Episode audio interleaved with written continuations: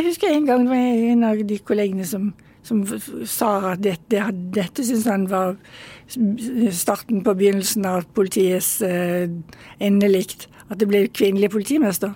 Husker jeg hadde gleden av å si ja, nå kom, da går vi i baren, så spanderer jeg en whisky på deg, så kan vi ha det hyggelig.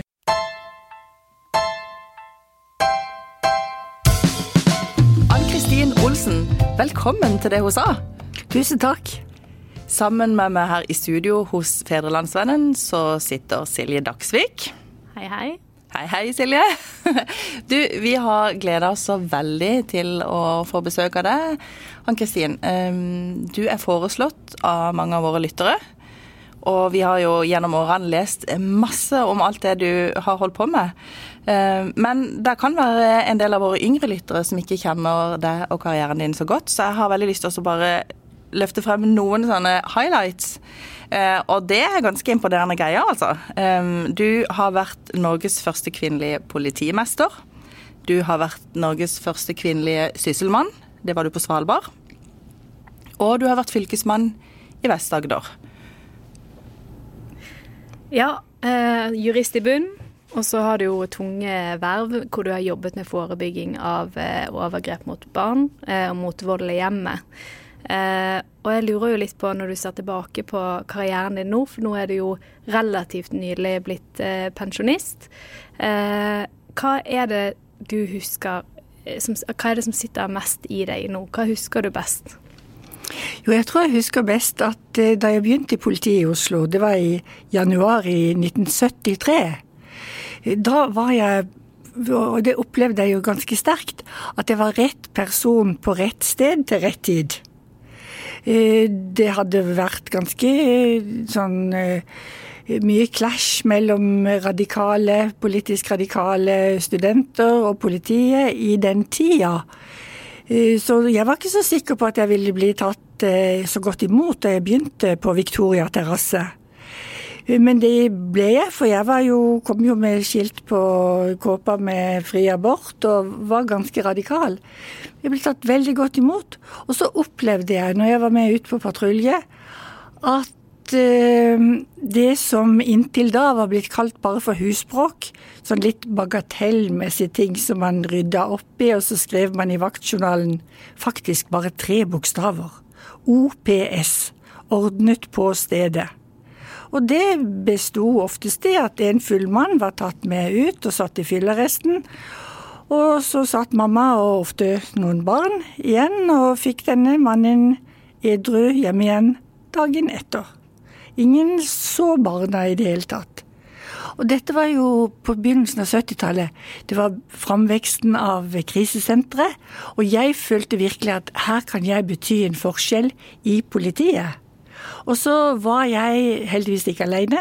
Jeg var med i en stor en sånn bølge av at her må vi få omdefinert husbråk til det det er alvorlig kriminalitet. Så det tror jeg kanskje er det, er det som Det var veldig skjellsettende, og jeg var jo helt ung da fra studiet.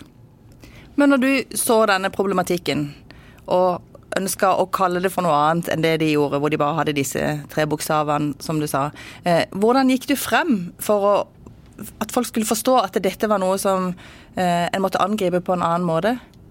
Altså, jeg sa fra eh, i innenpolitiet og pekte på at her er det barn. Og så var jeg i tiden, jeg var ikke før min tid eller etter, det var en bølge. Også politifolk så at her åpnes det krisesentre. Kvinner står fram, forteller sine historier. Og man fikk eh, altså et innblikk i det som eh, ofte ble sett på som hjemmets lune hygge, som faktisk var ganske uhyggelig mange steder. Og det bakteppet, politiske bakteppet, eh, gjorde at det var, sånn som jeg opplevde det, relativt lett for meg å få litt gjennomslag inne i politiet. Og så steg jeg jo i gradene etter hvert og fikk mer og mer å si og kunne da dytte på, sånn at eh, det ble andre holdninger til det som nå kalles for vold i nære relasjoner, og som da var husbråk. Og når du ser tilbake på det i dag, så er det jo ikke tvil om at det arbeidet må ha betydd utrolig mye for mange familier gjennom årene. Eh, er det noen historier eller noen eksempler som du har vært involvert i, som du husker tilbake, altså som du husker den dag i dag og går og tenker litt på? Ja, det er det. Er det. Eh, kanskje særlig da hopper jeg litt i tid, men eh, jeg ledet et arbeid som resulterte i en NOU, altså Norges offentlige utredning, som vi kalte for Svikt og svik. Vi var et utvalg, men vi gikk inn i noen av de alvorligste sakene som gjaldt vold, seksuelle overgrep og omsorgssvikt mot barn. Og i de sakene der så er det skjebner som jeg må si at jeg aldri glemmer. Og vi som utvalg, vi snakket med noen av disse ungene heller. Og det som var mest sjokkerende, var faktisk at ingen av barna i våre saker var blitt snakket ordentlig med. Ingen. De hadde vært innom hjelpeapparatet, barnevernet, skole, you name it. Men ingen hadde spurt ordentlig hvordan har du det egentlig hjemme? I stedet for så var det mange som var blitt påført noen diagnoser, ADHD eller andre ting. Hadde fått medikamenter faktisk for dette.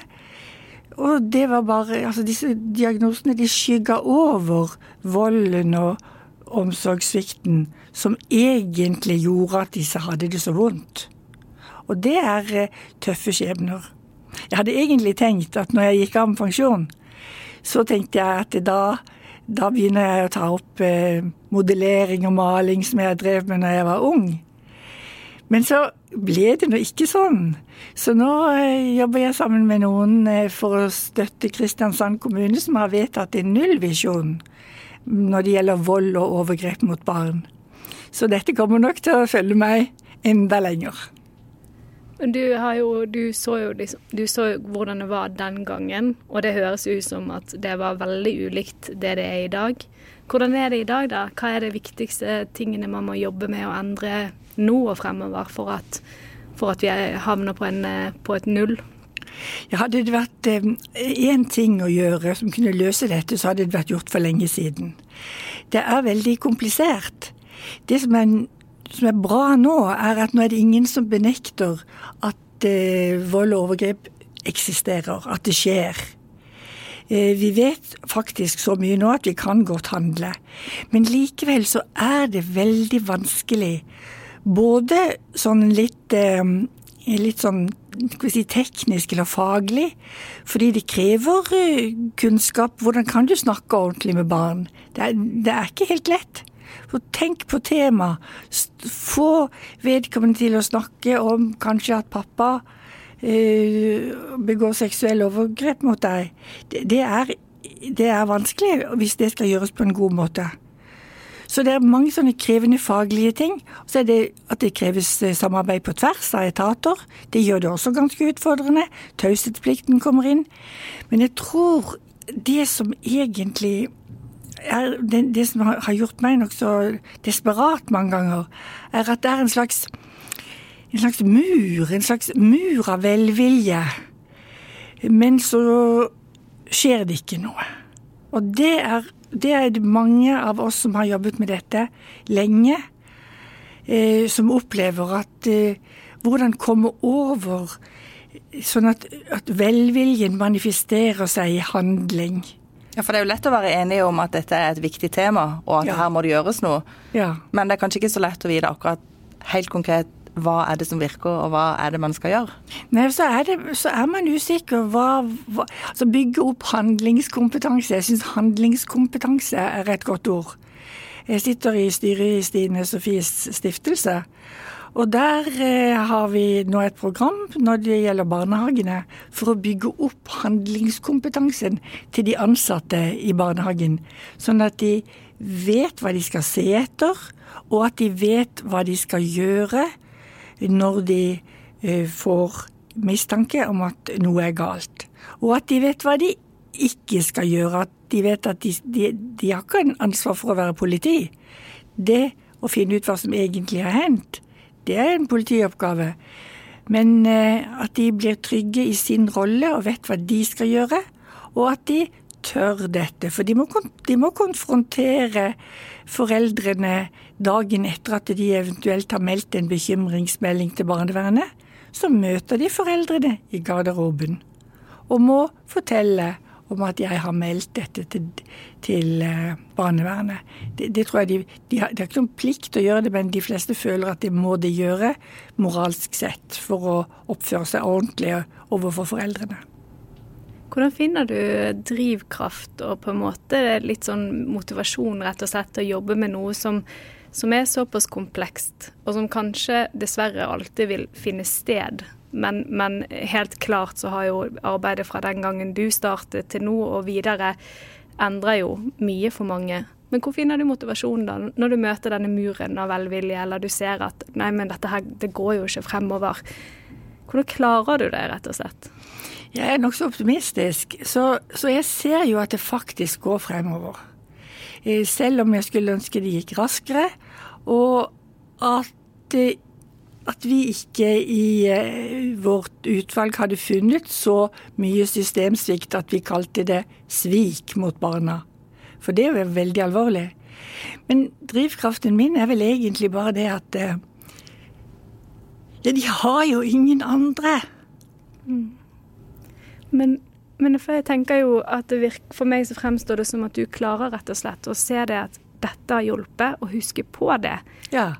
Og det må jo være så viktig for personer som deg, som jobber med det du gjør. Mm. Og så huske på det at den gangen du startet det, da, da var det helt annerledes. Og så har det skjedd ting underveis år etter år som har bedret noe.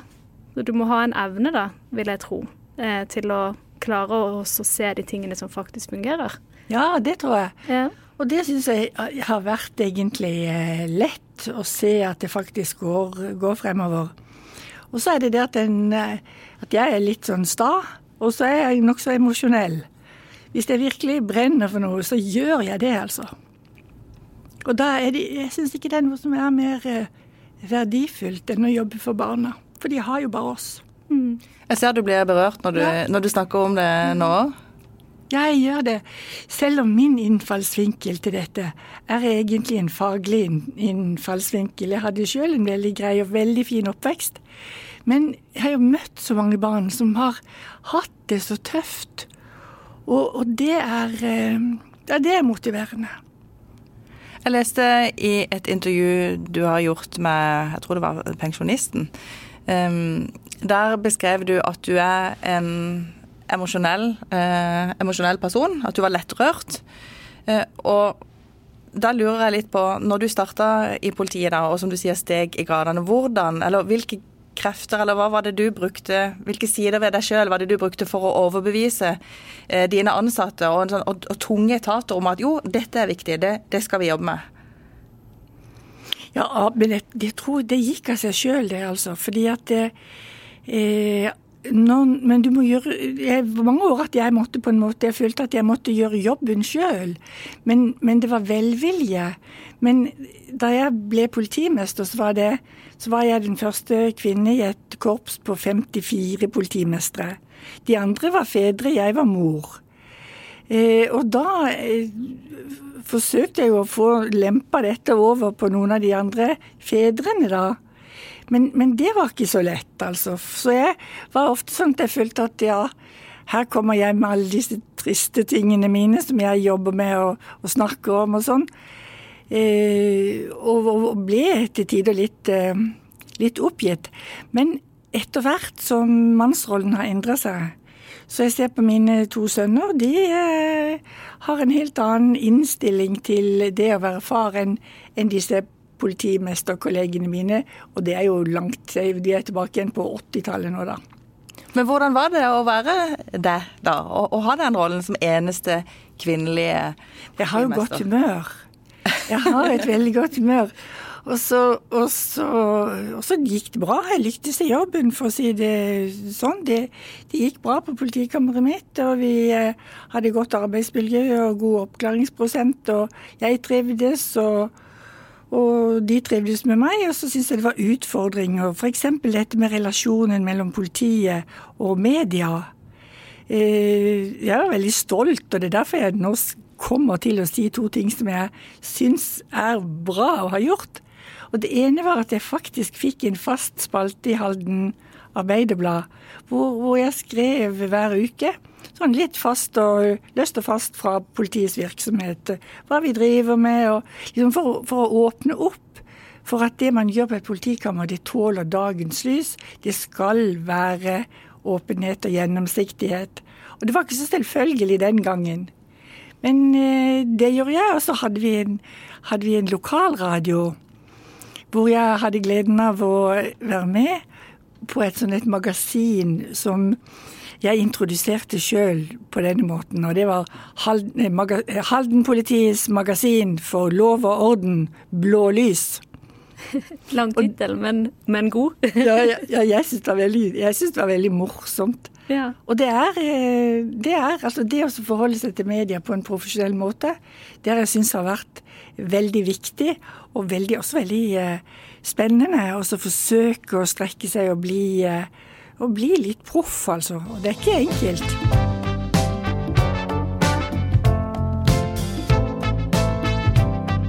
Men du har jo stått i noen skikkelig dramatiske situasjoner. Eh, og du har vært involvert i noen ganske sånn heftige saker. Um, du var bl.a. involvert i en sak som fikk veldig mye oppmerksomhet i media, som dreide seg om en, en seriedrapsmann. Ja. Og det ble vel omtalt som drapene i Tistedal? Stemmer det. Det var fire personer som ble drept av en og samme gjerningsmann. Og det var en som ikke var eh, registrert i politiets registre. Han levde et stille, anonymt liv, og ingen hadde så velstelt hage som han. En pertentlig mann som viste seg da å være seriemorder, kan vi jo si. For fire personer drepte han for penger, altså. Det var rene rovmord for å skaffe seg penger. Men kan du beskrive, eller ta oss litt med inn på politikammeret i den tida der. Hvordan var stemninga, hvordan jobba dere med det? Dere hadde et press fra media, folk var kanskje redde. Mm. Eh, alle lurte på hva som skjedde. Mm. Kan ikke du ta meg litt inn i den hverdagen du hadde da, sett fra ditt ståsted? Ja, det var jo eh, Dette strakte seg over et par år. Eh, drapene skjedde over ett år, og så holdt vi på lenge uten å klare å oppklare saken. Eh, så det bygde seg, som du sier, opp et veldig press på oss. Eh, egentlig det eneste som nytta for oss, det var å oppklare saken. Det, det å stå og være profesjonell overfor presten med å bare trø vann og si at nå har vi gjort det og nå det, var, det, er, det er ikke tilstrekkelig i en sånn situasjon. Så vi hadde et veldig press, men vi hadde også gode folk. Eh, mine egne var gode på det lokale forhold, og så fikk vi bistand eh, fra Kripos. Og det samarbeidet der, eh, og god, god politi, intuisjon og god sånn Vi jobber Jeg måtte jo nesten jage etterforskerne hjem, fordi at det, fordi at det var faktisk mer spennende å være på jobben. Alle vi var sånn 110 oppslukt av dette alle sammen. Dette skulle vi oppklare. Og så gikk eh, ukene og ukene, og vi hadde det ene prosjektet etter det andre som løp ut i sanden. De ga ikke resultat. Så det var en Det var, det var, en, det var ikke en spurt, det var altså et maratonløp. Men vi lyktes til slutt. Og det var en sykkel som gjerningsmannen hadde stjålet fra en han hadde da eh, skutt og som man hadde gjemt, som vi fant. Og det var den brikken som løste saken for oss, da. Og den lettelsen der Jeg husker vi altså De mest garva etterforskerne, store mannfolk på to meter, og så gråt. Vi var så det, det hadde vært et sånn sterkt press i det lille lokalsamfunnet som eh, Halden og Tistedal er. Det må ha gjort veldig inntrykk, eh, og jeg kjenner det jo inntrykk å, å høre deg fortelle òg. Eh, men det er jo ikke den eneste store, tunge saken du har vært involvert i der det har vært mye press. Kan vi hoppe? Jeg gjør et, egentlig et kjempehopp ja, herfra og, og, og, til Svalbard.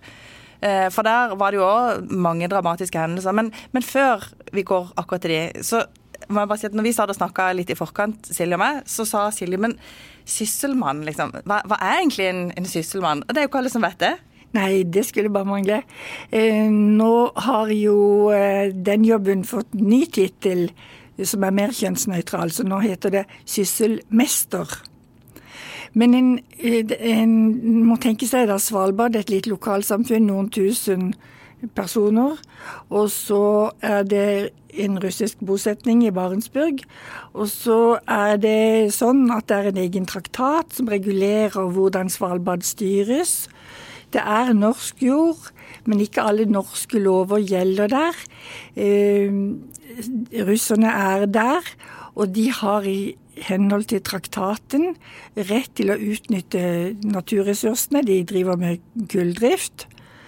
Sånn at det er noen, noen sånne beskrankninger der som gjør at det å være sysselmann, å være regjeringens representant det er, i, i, mye er det svært likt det å være fylkesmann. Men så er du også, i tillegg så er du også eh, politimester. Og eh, i noen saker dommer. Så det er en veldig sammensatt og veldig artig og krevende stilling.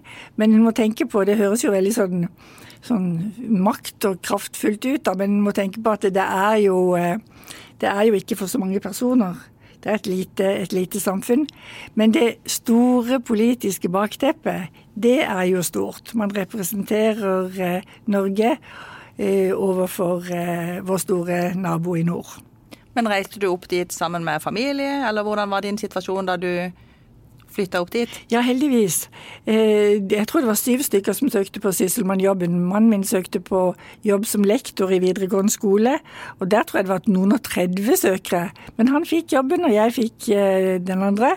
Og så tok vi med oss vår yngste sønn, som da gikk ungdomsskolen sin på eh, Svalbard. Men vår eldste han var student da og studerte på fastlandet. Og nå har jeg lyst til å høre deg fortelle litt om den helt spesielle og dramatiske hendelsen som veldig mange forbinder navnet ditt med, tror jeg. Det var jo denne flyulykka. Ja, jeg tror du har rett i det. For det er nesten forbløffende hvor mange jeg møter nå. Eh, noen og tyve år siden eh, jeg var på Svalbard, som, som, som, forbinder meg med Svalbard. Men den store flyulykka som skjedde da i august i 96 Eh, der var det 141 personer som eh, mista livet. Det var ingen norske, det var russere og ukrainere som da jobbet i eh, gruvene, både i Barentsburg og i det andre lille russiske samfunnet, Pyramiden. Og det var jo en dramatisk historie da. 141. Det er jo enda den største flyulykken på norsk jord. Og så kom det i tillegg som kompliserte saken. For det var dramatisk nok, men alle var døde. Alle døde i krasjet. Så kom det som kompliserte, det var jo at her var det uh, et annet land som har rettigheter på Svalbard, som kom inn, og som naturlig nok ville være med i det som var som måtte gjøres, nemlig å få åstedet, rydde åstedet, sikre bevis, finne ut hva som skjedde, og så få obdusert og identifisert eh, de forulykkede. Og det var ganske Da kom det en del sånn kulturforskjeller eh, fram som gjorde at eh, det ble ganske komplisert, og det ble ganske hett noen ganger, fordi det var litt forskjellige kultur eh, Mellom Russland og Norge, da, ikke sant? Ja, og ser, ja, mellom, også mellom eh, Sysselmannen og, og, mine folk, og russerne som eh, var der på Svalbard. Og det, etter Ja, det var bare to døgn, så var det 48 offisielle representanter fra Russland og Ukraina som var i Longyearbyen. Husker du den første gangen da du, tenkte, du forsto den store kulturforskjellen? Var det et møte eller et eller annet punkt hvor du tenkte at her får vi, her får vi en krevende jobb å gjøre? Ja, jeg, jeg, tror nok at jeg kan jo si at eh, et glass champagne det, er, eh, det er, står veldig tydelig som et, sånn, et symbol på eh, kulturforskjeller. Og det jeg opplevde da, fordi at det var altså denne Det var en viseminister som var kommet fra MRKOM, som var uten dette departementet for, eh, for kritiske hendelser fra Moskva. Eh, han og jeg vi hadde blitt enige om ganske mange viktige ting, hvordan dette arbeidet skulle legges opp. Og så hadde jeg da, mens vi sto og ble tatt noen bilder, så hadde vi drevet litt sånn smalltalk, og så hadde jeg sagt at ja, akkurat i dag så er det faktisk en, et år siden jeg begynte i denne jobben her på Svalbard som sysselmann. Og så hadde han da bestilt et eh, to glass med champagne da vi kom ut av pressekonferansen hvor vi hadde lagt fram de viktige tingene vi hadde blitt enige om. Så hadde han bestilt eh, champagne, og det sto to glass på et brett, og en servitør holdt dette. Og altså, jeg sto der med ansvaret for 141 lik på en fjelltopp i det arktiske. Og det var ikke akkurat champagne som, som hørte til. Så jeg prøvde å få lurt han rundt en bokhylle som sto der på hotellet, men eh, det gikk ikke. Og da, da eh, journalister og fotografer så dette, så var det sånn klitre-knitre med kamera. Og da tenkte jeg da får det bare stå til, nå får jeg bare to, smile. De tok rett og slett bilde idet dere skålte i, det vi skålte. Og det ble jo veldig Det var veldig mange forståsegpåere på fastlandet. Mm som sa at eh, hva er dette for et menneske som leder en sånn alvorlig situasjon, og som, som finner det opportunt å drikke champagne? Og det, med norske øyne så var ikke det så rart at de syntes det. For det var jo ikke naturlig for oss. Men for russerne Jeg hadde dagen før vært i, en, eh, vært i Barentsburg og sittet sammen med overingeniøren som hadde mistet eh, eh, en av sine i ulykken, og hadde skålt med han i vodka for i russisk kultur så, så hørte også alkohol med til eh, sorgmåltidet. Mm.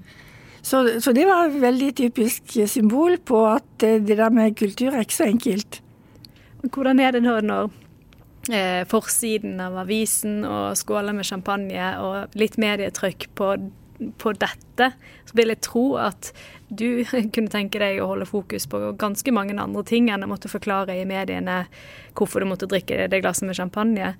Hva gjorde du da for å på en måte holde fokus på det du egentlig skal jobbe med? Jeg hadde jo tusen ting å gjøre, jeg, jeg, og det var jo så alvorlig for å få ordnet dette sånn at likene skulle bli fraktet ned. At det skulle gå i verdige former, at de skulle fraktes på sånn og sånn måte. At de måtte huske å bestille kister uten kors eller andre symboler. Det var masse ting og et stort alvor over den situasjonen jeg, var i. Så jeg ga rett og slett blaffen i de overskriftene. Og dessuten så, så, så var ikke Vi fikk avisene på Svalbard dagen etter, eller et par dager etter. Men det jeg husker på, var å ringe hjem til mine foreldre her i Kristiansand.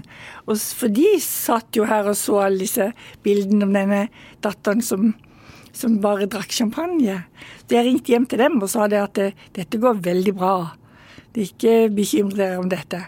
Og så snudde stemningen. Det var en journalist som skrev i Dagbladet en, en artikkel som snudde den stemningen. Eh, eh Arne Oholm. Og så, så. Men det var andre kulturforskjeller også som var mer alvorlige. Og det var jo det at eh, jeg skulle jo jobbe sammen med konsulen på Svalbard. Og der viste det seg at det var ikke så helt enkelt å få til et tillitsfullt og godt, og godt samarbeide.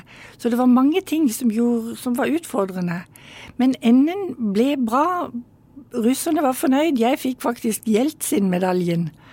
Eh, og mange ganger er det jo sånn at livet det, Man får seg Altså, det er ikke, det er ikke seile på et, et eh, stille hav, det å leve. Å ha sånt stort ansvar som jeg hadde der, det, det, man kan ikke vente at eh, man skal bare bli strøket med hårene i, i, en sånn jobb. Altså, det går bare ikke. Men man lærer man seg det da underveis, det med å på en måte bare Ja, men OK, nå nå bryr jeg Det forstå i Aftenposten eller andre medier, det, det, har ikke jeg tid til å tenke på. Lærer man seg det å prioritere og fokusere på det som betyr noe underveis? Det er sikkert litt forskjellig. Og selv om jeg er, er lettrørt og blir eh, veldig eh, eh sånn eh, Jeg kan, jeg kan eh, Av vakker musikk og kan bli veldig sånn berørt av det, så, så, så er jeg en sånn nokså nok sånn utholdende person som ikke er så lett å få ut av balanse. Sånn at jeg, jeg følte at det, for min del så var ikke det så veldig vanskelig. Og så hører du med, altså. Og så blir det glemt. Og jeg, jeg har eh, egentlig aldri hatt noe veldig eh, behov for å framstå som sånn eh, sånn uh, uangripelig. Altså man er man, det, Da tror jeg man har det da tror jeg man har det vondt, hvis man skal være så, uh, så prektig og så, me, så mestre alt. Det går bare ikke. Men som øverst ansvarlige i en sånn situasjon, eller i politiet når det stormer, da kan man jo ikke gå til hvem som helst og si at åh, oh, nei, nå vet ikke jeg hva jeg skal gjøre, eller være rådvill, eller du må jo, du må jo være sterk. Og du må vise styrke, eller iallfall en ro ja, overfor dine ansatte. Men, ja, men, hvem går du til, eller hvem har du kunnet gå til når du har trengt å, å lufte ut noe, eller få litt støtte, eller be om råd? Ja, det, jeg har jo alltid hatt min, min mann som min beste venn og rådgiver. Og, og, også sønnene mine har betydd mye for meg på den måten at man har kunnet eh, snakke om mange ting. Eh, og når det har storma, så har jeg alltid fått eh, god støtte og oppbakking. Eh, det har vært sånn på det praktiske plan, og jeg har liksom ikke kunnet komme hjem og lage middag eller være, være mye hjemme. Jeg har vært mye opptatt så har det alltid vært greit på den måten. Og også det å få gode råd og bli liksom beroliget og ja, alt dette her eh, som, eh, som man som menneske har, har, behov for. Og jeg har vært heldig på den måten at jeg har den beste. Så fint. Du, ja. Når du forteller, kjenner jeg. og du har også en mann som kommer og henter deg etter podkasten her, eh, har jeg skjønt. Men vi skal få lov å låne deg litt til før han får lov å, å plukke deg opp. For det jeg lurer på, Du har jo fått til så utrolig mye, men i løpet av den lange karrieren du har hatt, så må det vel av og til være noen ting som ikke har gått sånn som du har ønska eller tenkt. Har, har, du gjort noen feil eller noe som du, som du, angrer på når du ser tilbake nå? Ja, altså sånn i, i livet sett så, så, vil jeg jo si det at jeg det er jo som du sier, at, og jeg sitter jo her med noen medaljer og ordener, men det er jo en god del ting som jeg skulle gjerne hatt ugjort. Eh, det meste av det er jo sånne ting som, som man må legge bak seg, og man må sørge for ikke å bli bitter. Det er sånn livserfaring at det, det verste i livet, tror jeg, er også å bli bitter. Man må legge ting bak seg, og så, og så forsone seg med. Det er et litt godt uttrykk, syns jeg, det er at liv og drøm ble ikke ett. Jeg hadde jo veldig Jeg var veldig eh, energisk og, og hadde ambisjoner om at uh, mitt liv skulle være sånn og sånn. Og det, det, ble jo ikke sånn og sånn, men det ble bra nok, ikke sant. Og det var jeg heldig. Jeg ble oppdratt av mine foreldre med at ja, jenta mi, du er bra nok. Du er ikke noe universalgeni, men du er bra nok. Og det gikk liksom på at uh, ja, at man kan slappe av å ha en sånn, sånn passe selvtillit. Men har du noe eksempel på noe som du måtte der du måtte bruke den teknikken med å tenke at ja, ja, det gikk ikke helt sånn, men det gikk greit ja, nok? Ja, det er masse ting som ikke har gått akkurat sånn. Det er det jo. Det er mange sånne ting. Men, men, det, men vi har gått videre og, og har eh, man, kan, man, kan, snu litt på fjøla underveis. Da. Jeg har hatt eh, ønsker og planer som har blitt skutt ned. Men det hører med til livet, det, altså. Og så er jeg ekte glad i folk og syns det er moro og interessert i folk. Og syns det er eh, veldig artig å jobbe sammen med andre. Selv om jeg har også behov for å være jeg er en skikkelig lesehest og har behov for å lese og sitte for meg sjøl. Men, men, men jeg syns at jeg får energi av andre. Og så har jeg møtt mange dyktige folk og har hatt nært rundt meg fabelaktige medarbeidere, fabelaktige gode venner.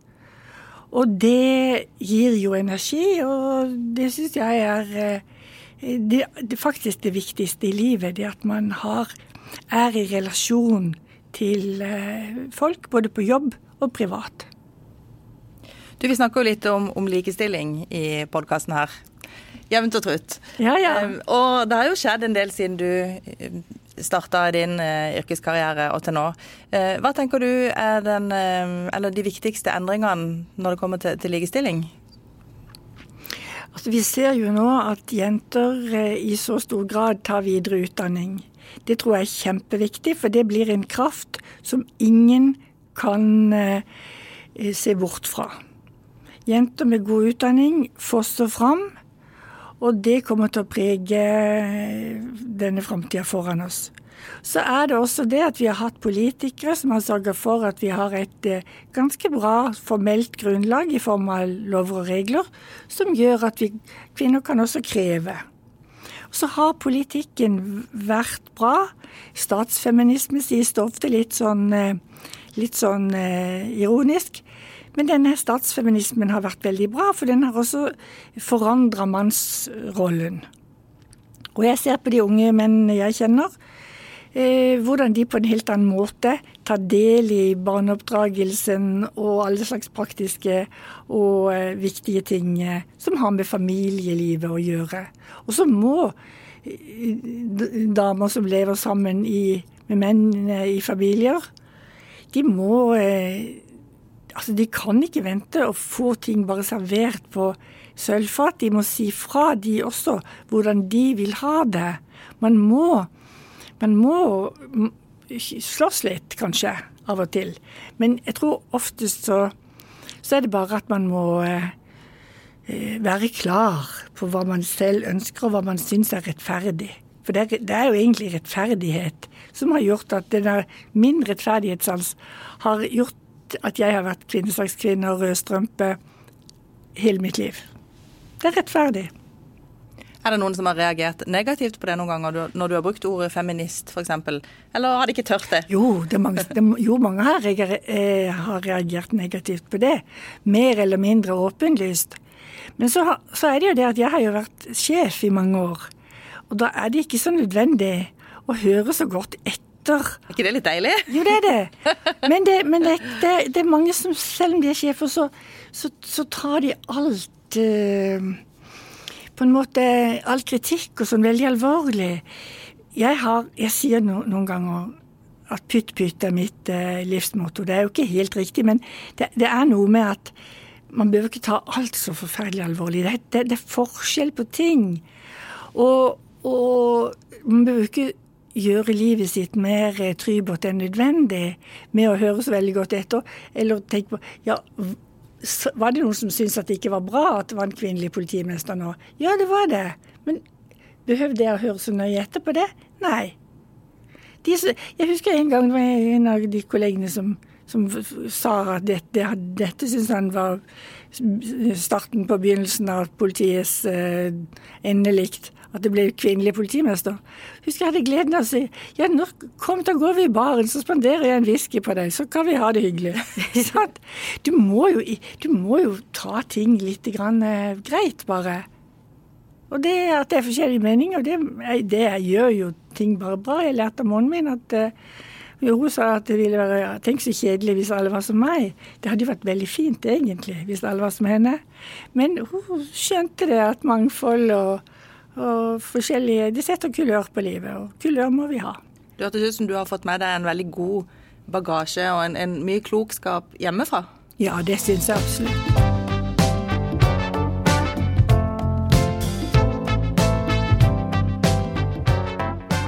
Du tenkte på, Hvis du nå skulle spolt helt tilbake, eh, også, eller la oss si at du skulle hatt en ny karriere nå, da og du kunne velge akkurat hvor du ville gå inn, og du skulle en, en, få en, en, lederposisjon.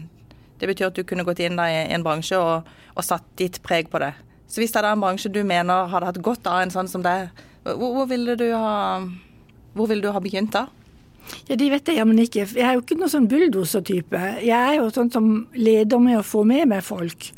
Og så har det, har det vist seg, og det syns jeg er litt Jeg syns det er helt uh, utrolig at folk har hatt glede av å jobbe for meg. hadde jeg villet at jeg skulle bli fornøyd. Så må, det måtte være en bransje som, eh, som, jeg kunne bruke den stilen i, da. Jeg tenker at uh, helsevesenet er nå i en ganske krevende situasjon på mange måter. Så, og der tror jeg det er flinke folk som, som som jeg kunne ha glede av å samarbeide med og lære av. Og, så det helst det. Men uh, den uh, politiet kan jo være litt kjent for, i hvert fall tidligere, å ha hatt en litt sånn machokultur. Uh, jeg, jeg, har fordypt meg litt og lest litt om ja. avhørsteknikk osv., hvordan det har endret seg. At før var det sånn nå skal, du, nå skal vi ta denne personen som er siktet og få den til å tilstå. Macho. Og så kommer jo du inn eh, i din rolle, og sånn som du beskriver det selv, så opplever jeg deg som en, en eh, leder som har vært eh, opptatt av å løfte andre, og kanskje moderne lederstil, egentlig, ville jeg sagt i dag. Var det kunne du være det selv fullt og helt, eller måtte du på en måte prøve å tilpasse det litt den kulturen den gangen? Ja, jeg måtte jo tilpasse meg. For f.eks. som politimester hvis du er den eneste kvinne i sånn et gjeng som jeg var, så, så, må du lære å se deg selv utenfra. Så for å, bare for å ikke sette deg sjøl ut av spill. Hvis du tar ordet altfor mange ganger, eller snakker om altfor kvinnelige ting eh, for ofte. Så du må, du må lære å se deg sjøl litt utenfra, og så, og så tilpasse deg. Og det, det tenker jeg at mange kunne ha godt av. fordi at eh, det å eh, tenke litt over hvordan man blir oppfatta, det er sunt og fornuftig. Mm, være litt smart, rett og slett. Ja, det ja. være litt smart. Så går man kanskje glipp av hvis man skulle ha noen sånne veldige krefter, sånn originale ting som man skulle man, Hvis man ikke hadde vært i mindretall, så hadde man kanskje kunnet få fram de der mer, eh, mer eh, sånn opprørske ting eller sånn. Jeg syns jeg måtte dempe meg litt, altså. Det måtte jeg. Men, det, men så, sånn er det. Eh, man får ikke i pose og sekk. Jeg, jeg, har fått mer enn nok, jeg. Altså, jeg er takknemlig. Du, Hva drømmer du om å, å gjøre fremover nå? Ja, det, jeg holder på med hyggelige ting. Eh, det viktigste i livet mitt nå, det er jo alt, det er familien. Jeg har eh, Mannen min og jeg, vi bor her.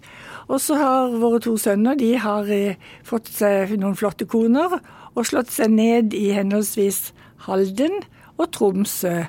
Og jeg har fem barnebarn i de to byene. Så det er, det er kjempeviktig. Vi har hatt en felles utenlandstur hvor vi leide stort hus, og det skal vi forhåpentlig få til til høsten òg. Og vi besøker hverandre. Og så har jeg noen verv som jeg syns er eh, spennende. De gir liksom litt struktur til hverdagen. Jeg liker å sove litt lenge, lese mange aviser. Jeg bruker altfor lang tid på aviser. Eh, kan ikke bruke for lang tid på Nei, aviser. Nei, det ante meg kanskje at dere ville si det. Nei, men jeg, jeg leser og har venner og lager mat. Og så har jeg fått et gøy et, Ja, gøy kanskje ikke ordet, men det er interessant. Og det er eh, på universitetet, hvor man har etablert en, eh, et utvalg som skal se på forskningsetikk. Eh, og hvis jeg vil hisse på med noen forskere, så sier jeg bare så sier jeg vitenskap og lidenskap og farenskap. Det henger sammen. Så vi ser jo på enkeltsaker i dette utvalget hvor forskere har, eh, ikke har fulgt eh, forskningsetiske normer. Og så skal vi også bistå universitetet med å lære opp eh, både ansatte og studenter når det gjelder forskningsetikk og de kravene som stilles. Og Det er interessant. Er et nytt felt. Spennende har det vært, og er. Så du er ikke redd for å lære deg nye ting og gå inn i nye bransjer? Nei, Nei? Nei jeg, jeg, har altså uh, hatt lett for å si ja til uh, ting som jeg er blitt uh, spurt om. Og derfor har jeg jo en CV så langt som et vondt år, da, fordi at jeg har sagt ja til så mye. Uh, og jeg angår ikke på det. Jeg synes at det, man har også en sånn Jeg har en sånn sterk pliktetikk òg. Jeg syns alle mennesker har plikt til å bruke de evnene og den krafta en, en har. For du, du, sa i et intervju det at man skal alltid si ja til litt mer enn man tror man, kan, man klarer. Klare, ja. Men, men, klarer man litt mer alltid? Ja, jeg, jeg syns det. Jeg, jeg syns det, fordi at man har vel en tendens, iallfall ofte damer har faktisk en tendens til å så eh, være litt for forsiktige og tenke at de skal gjøre det så helt superstrålende, og det må gjøre, alt må gjøres så perfekt så, sånn er det jo ikke. Jeg har jo sittet i styrer hvor uh, styremedlemmer har kommet med lukket konvolutt med styrepapirene i. De har ikke engang sett på papirene på forhånd, ikke sant. Sånn vil jo, En dame vil jo aldri drømme om å gjøre det. Vi skal ha lest det på forhånd og ha satt oss inn i det. Så derfor tror jeg at vi enda en stund eh, kan, kan si det sånn litt flåsete at, en, at, at, kvinner skal si ja til eh, litt mer enn det de tror de kan klare. Men hva har du valgt bort? For det, du har jo hatt veldig tunge stillinger som åpenbart har tatt mye tid, og ikke sånne jobber som du har kunnet bare glemme når klokka har vært fire. Mm. Det er jo jobber du har hatt med deg, ja. og, og, og, levd i og vært i. Og hva, hva har det kosta? Jeg har, jo, jeg, har jo, jeg har jo aldri vært på spa.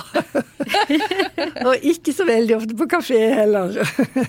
så jeg har jo valgt bort noen sånne hyggelige, hyggelige ting. Men jeg har jo funnet tid til eh, å holde på gode venner og venninner. Eh, så det, jeg syns ikke at jeg har ofret så mye, da. Eh, det må jeg absolutt si. Det har jeg ikke. Men, du har hatt det gøy òg? Jeg har hatt det veldig gøy. Ja. ja, jeg har hatt det veldig gøy. Jeg er veldig Det er viktig faktisk å ha det, å ha det morsomt, altså. Men så har jeg vært så heldig også at det, at jeg, at jeg har kunnet uh, jobbe mye på Altså det som har vært plikt, har også vært morsomt, altså. Det har vært uh, det, det, har glidd lett på den måten når man uh, når man syns det man jobber med eh, også er interessant, og at en blir eh, tent av det. Ja, du, kan, du, har kunnet kose deg med faglige diskusjoner og tenke på ting og snakke med kollegaer og ja, det, det Snakke om meg sjøl nå, egentlig.